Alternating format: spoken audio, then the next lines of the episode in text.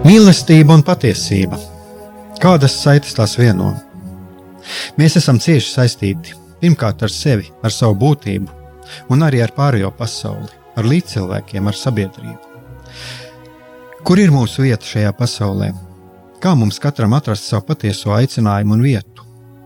Kā sasniegt savas dzīves piepildījumu, mīlestību? Kādi šķēršļi gan mūsu sirdī un prātā sastopamie, gan ārējie aizķēso mūsu ceļu pie Dieva?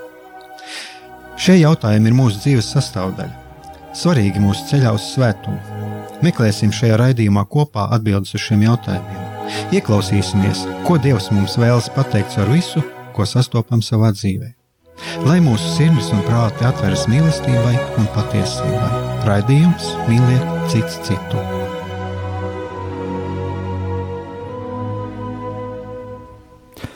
Lai top slavēts Jēzus Kristus, esiet sveicināti, darbie radioklausītāji. Šis ir atkal raidījums Mīlēt cits citu studijā. Esmu es, Egārs Brikmanis, un šodien es atkal dalī, dalīšos pats savās pārdomās.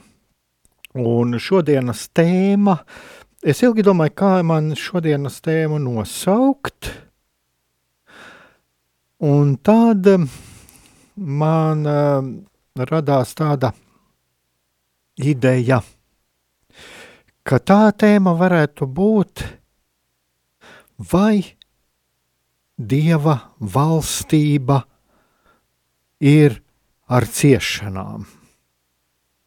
Varētu nosaukt arī vēl kādā citā veidā, citā veidā formulēt, piemēram, vai Dieva valstība nozīmē ciešanas. Un, uh, tas šķiet tāds ļoti liels paradoks, un, un, un daži varētu varbūt šokēt. Un, Un es ceru arī, ka būs šim video tāds nosaukums kaut kur, kaut kur līdzīgs. Un kāpēc? Kāpēc man uh, radās šāda doma? Tad, kad es pagājušajā nedēļā runāju, es uh, jūtu tam nu, mazliet, tomēr, kad ir kaut kāda nepabeigtības sajūta. Un, ja jūs atcerieties, kas jūs klausījāties, tad es runāju par to, vai mēs patiesībā esam gatavi iet šajā Dieva valstībā vai debesu valstībā, kā kuru reizi tas tiek saukts. Lūk, tā, un ar ko es gribētu sākt? Es gribētu sākt atkal ar savu pieredzi, ar kuru jau kaut kad es esmu mazliet šeit dalījies, bet es domāju, ka reiz par reizi ir jāatgriežas pie, pie tās tēmas, par to pieredzi, kāda ir mums katram mūsu cilvēciskajās attiecībās, attiecībās ar citiem cilvēkiem un kā es attiecos pret citiem, un, protams, arī redzēt, kā citi attiecās pret mani, un kāds arī ir šo attieksmju cēlonis. Un Mana pieredze patiesībā arī no vienas puses eh, bija diezgan, varētu teikt, arī savā ziņā, jā, bija arī kaut kādā ziņā sāpīga, ir bijusi, bet uh, savā ziņā tā arī kļūst par dāvanu, tā kļūst par dāvanu patiesībā, jo tā liek daudz ko pārdomāt pašam par sevi un arī pārdomāt par to, cik eh, stabilas patiesībā vai nestabilas ir arī mūsu cilvēciskās attiecības un uz kādu principu tas balstās. Un eh, mana pieredze tāda, ka draugi, daži draugi, kas ir bijuši mani atbalstījuši un kas, ar ko mēs esam bijuši vienā, vienādos līdzīgās skatījumos lietām, kas notiek, ir kļuvuši par pretiniekiem. Un uh, dažos gadījumos pat tas viedoklis, kur mums viņš ir bijis kopīgs, viņš ir mainījies šiem cilvēkiem. Un uh, Un te es varu sadalīt divās daļās. Zīmīgi ir tas, ka tās izšķiršanās brīži reiz reizēm jau mēs domājam, katrs piedzīvojam, un es arī savā mūža gaitā esmu piedzīvojis to, kā ir mainījies. Es esmu mainījies, mani draugi ir mainījušies, un, un man patiesībā nav ir pazuduši no tiem jaunības draugiem, man ir nomainījies, varbūt ir kādi pāris cilvēki, ar kuriem mm, es uzturu kontaktus, bet tādas pašas agrākās jaunības draugi man ir kaut kur izklīduši pa, pa pasauli, bet tas varbūt ir vairāk arī manas geogrāfiskās pārvietošanās dēļ. Bet runājot par to par šiem kopīgajām interesēm un par kaut kādiem kopīgajiem mērķiem, tādi ir daži cilvēki, ar kuriem es vēl tā reizi pa reizē satiekos, un, bet šie mērķi, viņi ir kaut kādā ziņā pat, veiksim tā, izčākstējuši, jo viņi netika īstenoti. Bet ir nākuši klāt jauni draugi, jauni paziņas, un es bieži vien arī tā izvairos uzreiz runāt par draugiem, jo šis drauga vārds ir arī ļoti novazāts, un bieži vien vārds draugs tiek lietots tur, kur viņš patiesībā nemaz neiederētos. Sevišķi to mēs redzam šajā mēdīju telpā. Bet, teiksim tā, cilvēki, ar kuriem man ir bijušas ļoti labas attiecības – Un uh, zīmīgs šis laiks bija tieši šis Covid laiks. Un kāpēc viņš bija zīmīgs un kāpēc viņš bija tāds, kurš uh, arī man pašam lika daudz ko saprast? Um, viņš bija zīmīgs ar to, ka tie cilvēki, kas bija gan ar mani draudzīgi, vai arī tādi labi paziņas, un kur, kuriem mēs tiešām ļoti labi sadzīvojām un satikām, viena daļa. Mm, sadusmojās. Un ir bijuši pat pāris gadiem, kad nu, atslēdzās, piemēram, Facebookā no draugiem. Un, bet viena daļa ir vienkārši, nu, jā, mēs kaut kur varbūt redzam to, ko mēs kādreiz kaut kur satiekamies, kādreiz mēs redzam kaut kādas aktivitātes, ja, bet mūsu šīs attiecības ir katrā ziņā šīs attiecību tuvums ir samazinājies vai pat ir aizgājis uz nulli. Nu, lūk, un šeit mēs varam vēl sadalīt, es varu sadalīt vēl divās daļās, vai šos situācijas var sadalīt, teiksim tā, divās daļās. Viena daļa – ir eh, tie nepiekritēji, bet kuri ir ļoti sadusmojušies arī uz, uz mani, uz manu viedokli, ir tie, kas eh, kopumā teiksim, mums varbūt par eh, kaut kādām morāles lietām, par arī par pasaules, dažiem pasaules notikušiem procesiem, vai teiksim, tāds patriotisms pret Latviju mums var būt kopīgs, bet uh, pilnīgi atšķirīgs, atšķirīgas viedoklis eh, tajā, kas attiecās uz vakcināciju. Un pietika tieši ar šīs tēmas, kas ir, kas ir saistīts ar vakcīnām, lai būtu kaut kāds, paliktu kaut, kā, kaut kāds rūkums, un uh, mūsu šīs attiecības m, mm, tiktu, es varētu teikt, jā, pārtrauktas. Tātad, lūk, šis šī viena lieta. Tātad ne visās lietās cilvēkam ir kaut kādi pamatprincipi, bet lūk, šis ir eh, cilvēks. Šī lietā mūsu viedokļi atšķirās, un, un ir problēmas savstarpēji ieklausīties, un šie argumenti nu, netiek uzklausīti. Bet vēl paliek uh, otra puse cilvēku. Uh, tie ir tie, kuru viedoklis vispār mainās.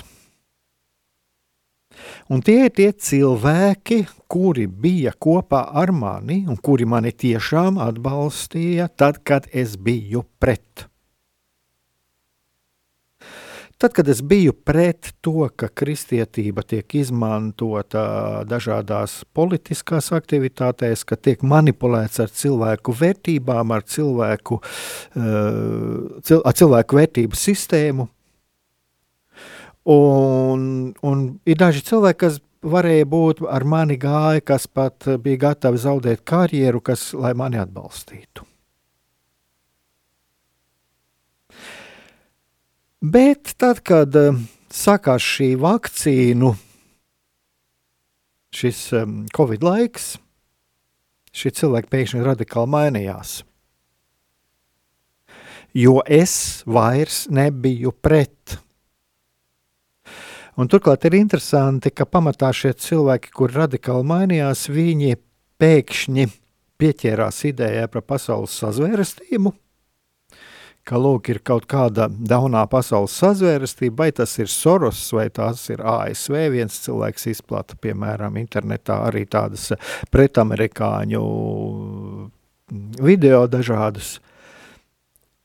Lūk, es nebiju pret.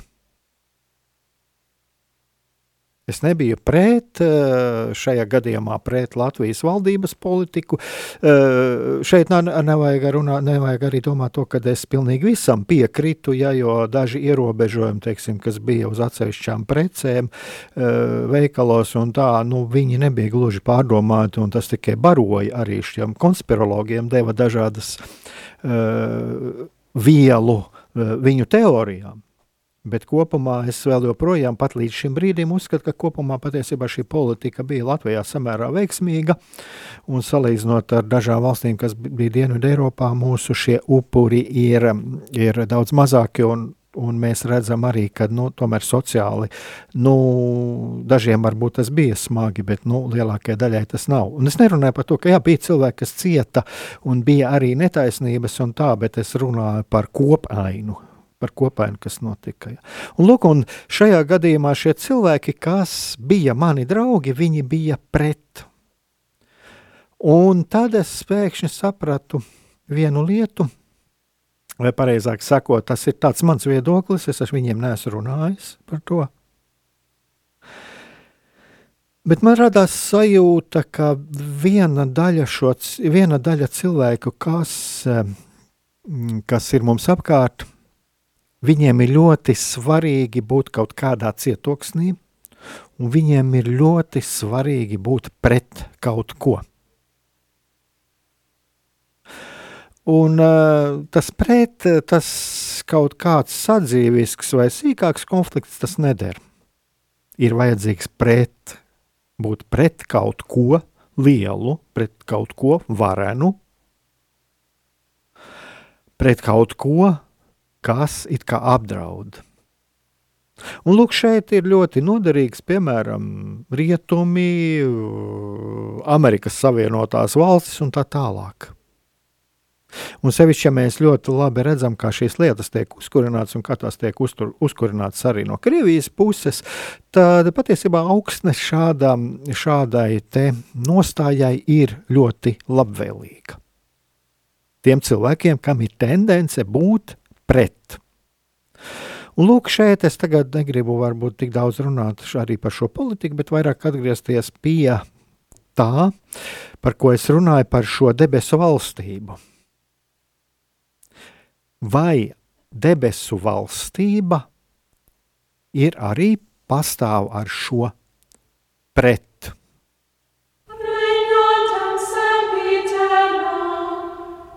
Seclas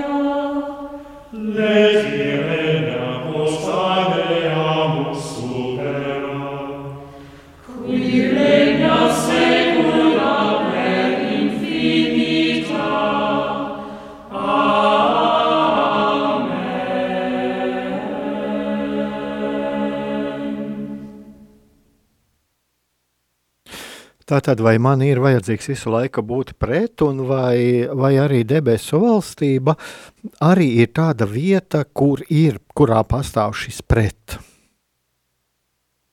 Un es domāju, ka šeit, atgriežoties pie tā, kāpēc cilvēks tā uzvedās, kāpēc viņam ir vajadzīgs šis pret, tad ir šis jautājums. Es domāju, ka šeit būtu arī ļoti vērts. Es ceru, kādreiz arī paaicināt jau ar šiem psihologiem, kas ir bijuši jau šeit pie mums, un, un parunāt arī par šīm lietām, kāpēc un no kurienes nāk šis pret. Un, protams, atkal es negribu iet galējībās, jo ir mums tendences, esmu arī kristīgajā vidē piedzīvojis to, ka cilvēki mm, grib būt visu laiku maigi un pūkaini. Nē, Jēzus arī nebija tāds maigs un pūkains visos, visos gadījumos, un ir lietas, pret kurām mums ir jāvēršās stingri un skaidri. Bet šeit es runāju par šo pastāvīgo stāvokli, un jāsaka tā, eh, es arī sevi kādreiz pieķeru pie tā, ka mm, man diena paiet um, negācijās, dusmās, un, un ik pat situācijas, ka man tiešām gribās kaut kur to agresiju izlikt, un, un kādreiz viņi tiešām arī iznāk tā, kad man pašam ir, uh, pēc tam es domāju, vai man to vajadzēja gluži, ja. Tātad, lūk, šis, šī doma, šis, ko es ar šo gribu pateikt, ar to, ka šis pret, šis pret, uh, cik daudz es šajā dzīvoju, šajā pret, un vai tas netraucē man dzīvot. Un eh, te es atkal gribu atgriezties pie tā, varbūt atkal mazliet atpakaļ pie tā, no kā tas ceļās. Un, un, protams, kā, kā jau es teicu, ir kaut kādas lietas, kurām, pret kurām mums ir jāvēršās, un ir, mm, nav jādzīvo nezināšanā. Un, un, un, jā, ir vajadzīgs uh, būt informētam. Es, es nebūtu neaicinu dzīvot uh, kaut kādā burbulī, bet svarīgi ir uz to, kā, kā es uz to attiecos. Un tā tad es esmu pret kaut ko.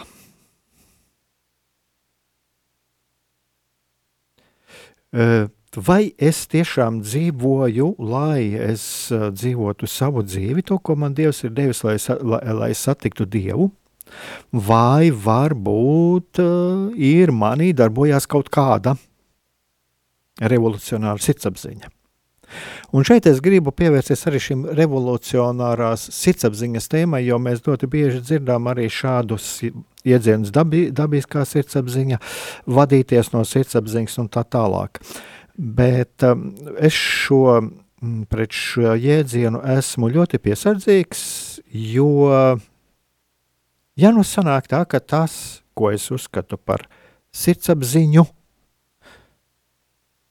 patiesībā ir manas antipātijās vai simpātijās kaut kāds balstīts redzējums. Un, ja nu tas, ko es uzskatu par sirdsapziņas balsi, patiesībā ir kaut kas tāds, kas saskana ar manu šauri subjektīvo viedokli, kas varbūt balstīts arī kaut kādos reliģiskos pieņēmumos.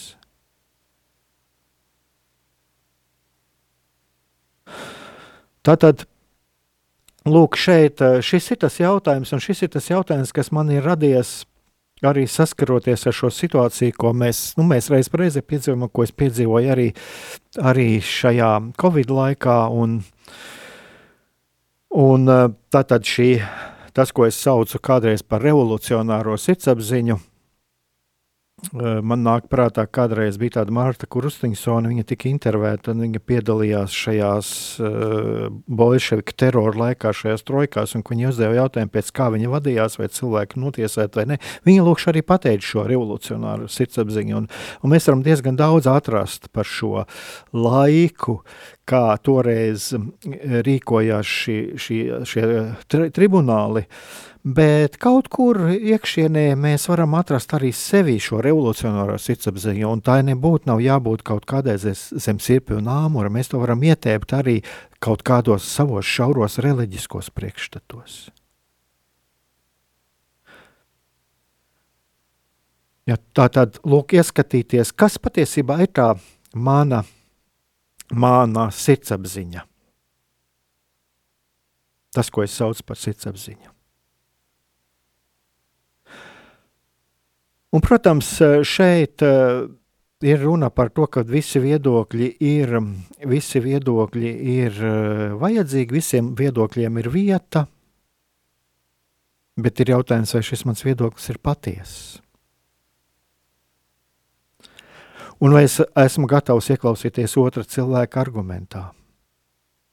Bet, protams, tā ir tēma, kurai, kurai varētu veltīt vairākus raidījumus, un šeit es tiešām arī vēlos kādreiz parunāt arī šiem cilvēkiem, kas šeit ir bijuši, arī tiem pašiem psihologiem.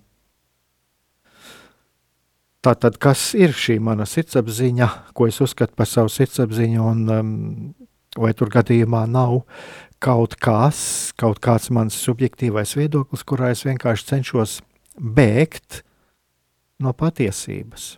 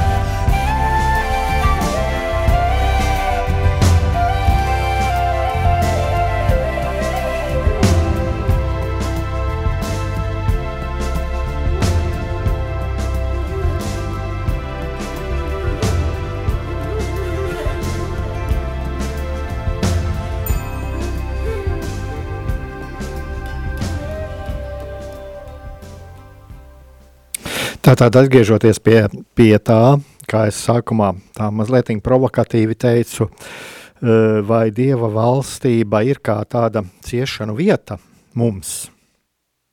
būtu kā ciešanu vieta. Un arī uzdot jautājumu, vai patiesībā tāda tā ir Dieva valstībā, ir iespējama kā ciešanu vieta. Un, un es domāju, es pamazām arī e, savās pārdomās turpināšu, mēģināšu tuvināties šai lietai, šai, e, šai atbildē, kāda man ir radusies manu pārdomu rezultātā. Un e,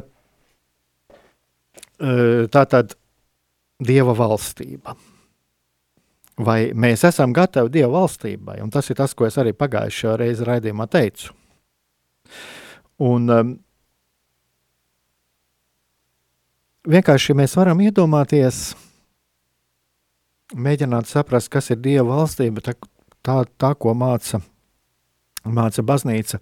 Es gan noklausījos tieši gatavoties šim raidījumam, pirms dažām stundām noklausījos vienu raidījumu, kas ir 2015. Eh, gadā ierakstīts Latvijas radio raidījumu, kur eh, priesteris Andris Priede runāja, viņam arī uzdeva šo jautājumu par Dievu valstību, un viņš tāds um, teologs un labi sagatavots baznīcas vēsturnieks, viņš teica, pat tam varētu veltīt, uh, veltīt uh, trīs dienu konferenci, un, un jā, ja man uzdot jautājumu, kas ir Dieva valstība, e, es domāju, ka man arī būtu, nebūtu tik viegli atbildēt par to, ko acis nav redzējusi, auss nav dzirdējusi. Bet viena lieta gan, kas man šķiet manā, manā skatījumā nav tālu no patiesības, tas ir, ka Dieva valstība Eh, pēc kuras mēs visi sirds, sirds dziļumā ilgojamies, tā ir kaut kas, kurā nav ciešanu, kurā nav savstarpēju karu, kurā, kurā mm, dieva valstības iemītnieki nedara viens otram pāri, kuri dzīvo pastāvīgas dieva mīlestības klātbūtnē.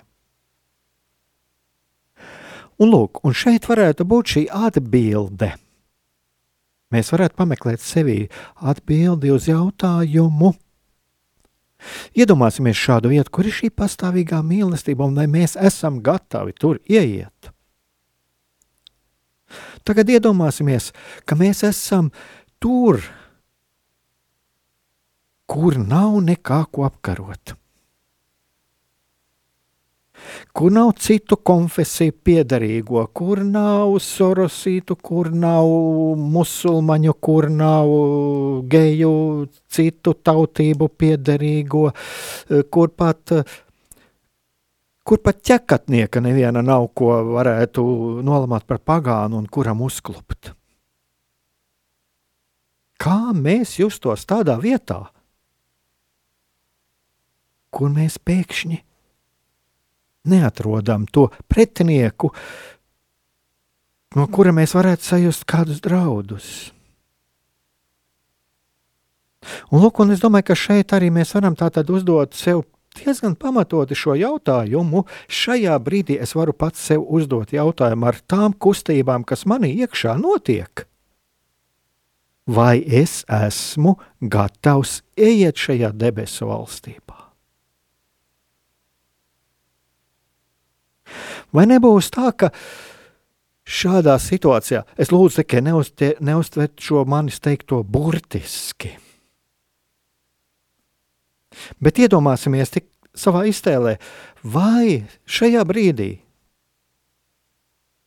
iekļuvis šādā vietā, kur ir šī absolūtā mīlestība, es šādā savā dvēseles stāvoklī Vai es tur nesākšu meklēt kādu, kuram piesieties, kurš kaut kādā veidā ir savādāks? Un lūk, es domāju, te ir vērts pārdomāt arī par šo lietu. Ko darīt, ja tur nav neviena, ko apkarot? Man nāk prātā vēl viena frāze, ko es sen, sen dzirdēju vienā raidījumā. Es neesmu gan to lasījis, bet būs varbūt jāpameklē kādreiz internetā, kad Mirza ķempesot teikusi, ka viņa negribētu iekļūt paradīzē, jo tur esot ļoti garlaicīga kompānija. Mm, protams, es nezinu tik smalki Mirza ķempes biogrāfiju, bet es domāju, ka jā, tāds cilvēks, kurš ir dzīvo šajā laicīgajā pasaulē, viņam varbūt ir radies priekšstats par to, un sevišķi vēl padomju laikā, kā pasniedz baznīca un visu šo lietu, ja kā kaut kas tur uh, ļoti garlaicīgs un tā. Lai gan tā nav. Bet lūk šis jautājums, vai es esmu gatavs tur ieiet? Un uh, Patiesībā jau šis instruments, kāds mums ir iedots, uh, mums ir baznīca iedevusi ļoti labu instrumentu, un uh, tā ir arī šī ieklausīšanās sevi, šī izvērtēšana, izvērte. Un arī tas, ko, ko sakopoja arī Svētais Ignācijas no Loyolas, būtībā balstīdamies jau baznīcas tradīcijā, un kas ir atnācis līdz mūsdienām Mēs varam pie sevi ieklausīties, jau paspēt jau kādu soli pretim tam, saprast sevi, un kur pie kādām domām es ikdienā pieķeros un kavējos. Par ko es ikdienā domāju, ar ko nodarbojos. Un tad mēs varam izvērtēt tālāk, vai šīs izjūtas, vai šīs, vai šīs domas, manas darbības, manī rada mieru, vai sajūtu pēc šīm domām dieva klātbūtni, vai varbūt ir nemieris. Vai varbūt radās arī kaut kāds nemieris par savu rīcību, vai sajūta, ka kad ir kaut kas izdarīts ne tā, kā vajadzētu, un, un ka šīs, šī darbība ir lieki un nevajadzīga, un ka šīs domas rada nemieru, neapmierinātību liekas dusmas, nogurdinošas dusmas, kuras traucē dzīvot. Tātad lūk šīs divas lietas. Vai manī domājot par kaut ko, kaut ko darot, rīkojoties, ir miers, prieks, ilgstošs prieks, vai neapmierinātība, nemieris? Vai man ir paliekošas dusmas, vai sirds miers?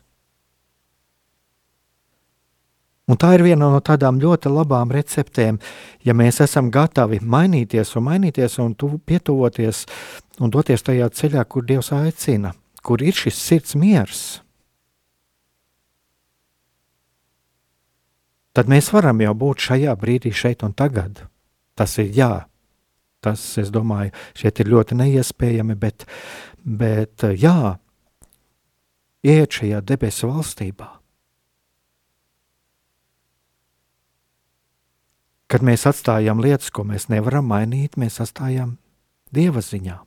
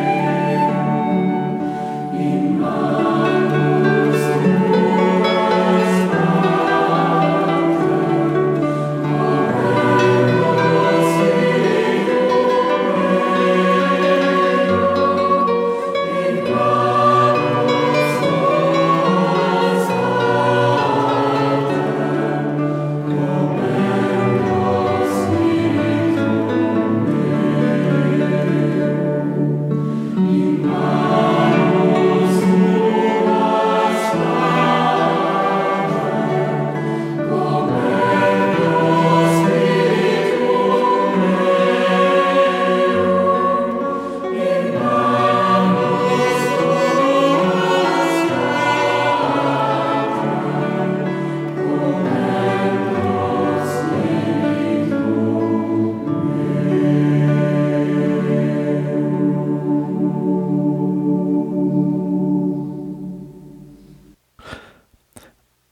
Baznīca runā arī par Dievu kā par visas gudrības avotu. Un man šķiet, ka šeit, ja mēs runājam par šo gudrības, gudrības avotu, tad šķīti, šķīstītavas ideja ir gudrākais redzējums uz iešanu nākamajā mūžībā. Jo tieši šī šķīstītavas ideja nav pretrunā ar Dieva mīlestību. Un eh, mēs taču redzam, ja mēs tā rūpīgi ieskatāmies sevi, mēs redzam, ka mēs caur savu dzīvi ejam tik vāji un apmulsuši, ka bieži darām to, kas būtiski vērtējot tik grēks. Un mēs visi esam ar šīm tendencēm. Mūsos visos viņas ir. Un, lūk, tāpēc jau es domāju, ka Dievs ir tā, tas, kurš kā mīlošs tēvs vēlas to visu sakārtot, un, un lai mēs tur, šajā debesu valstībā, šajā Dieva valstībā, lai mēs sevi un cits citu nesāpinātu, lai mēs dzīvotu šajā savstarpējā mīlestībā.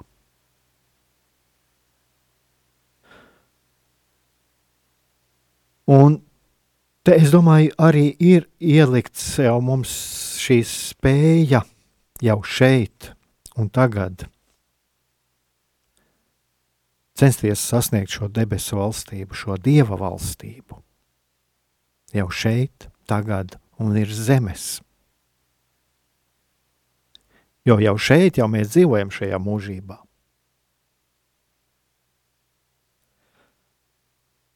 Izvērtējot, ieklausoties sevi, kas mūsos notiek, ko Dievs saka caur tām izjūtām, kas mūsos ir, un kur mēs ejam, kur mēs dodamies. Vai tas ceļš ir tas, kas ir no dieva, vai tas ir kaut kas, kas mūs ved projām?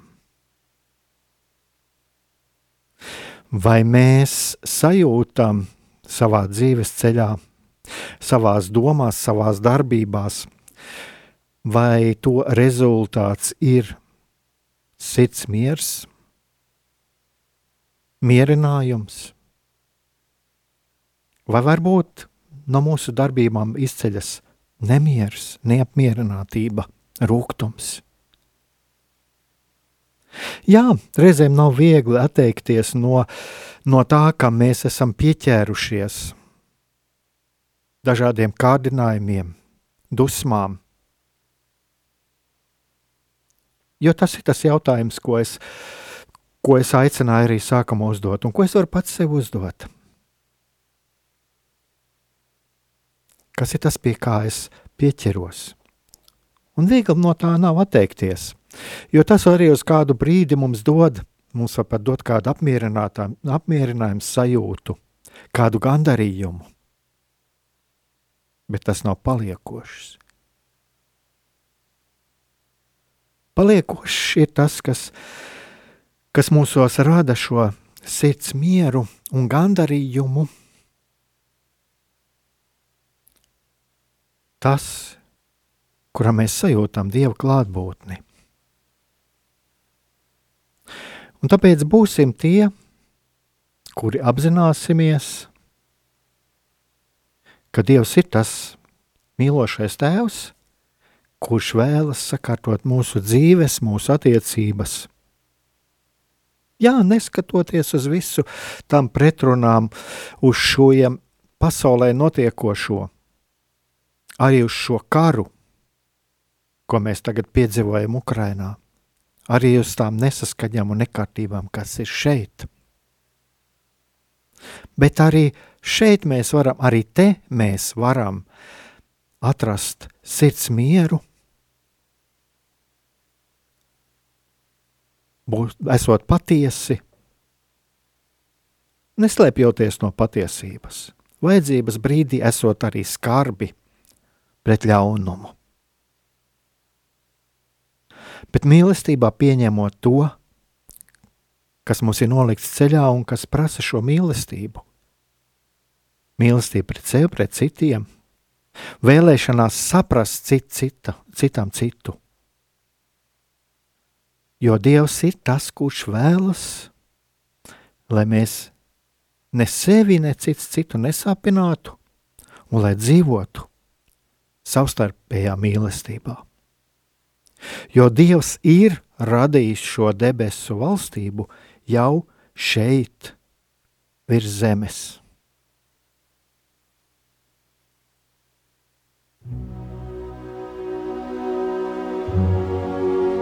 Mīlestība un patiesība. Kādas saites tās vieno? Mēs esam cieši saistīti pirmkārt ar sevi, ar savu būtību, un arī ar pārējo pasauli, ar līdzcilvēkiem, ar sabiedrību. Kur ir mūsu vieta šajā pasaulē?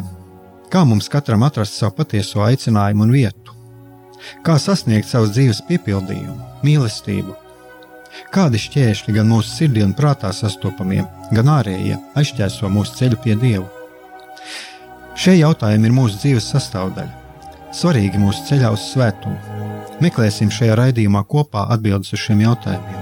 Ieklausīsimies, ko Dievs mums vēlas pateikt ar visu, ko sastopam savā dzīvēm lai mūsu sirds un prāti atveras mīlestībai un patiesībai. Raidījums mīliet citu citu.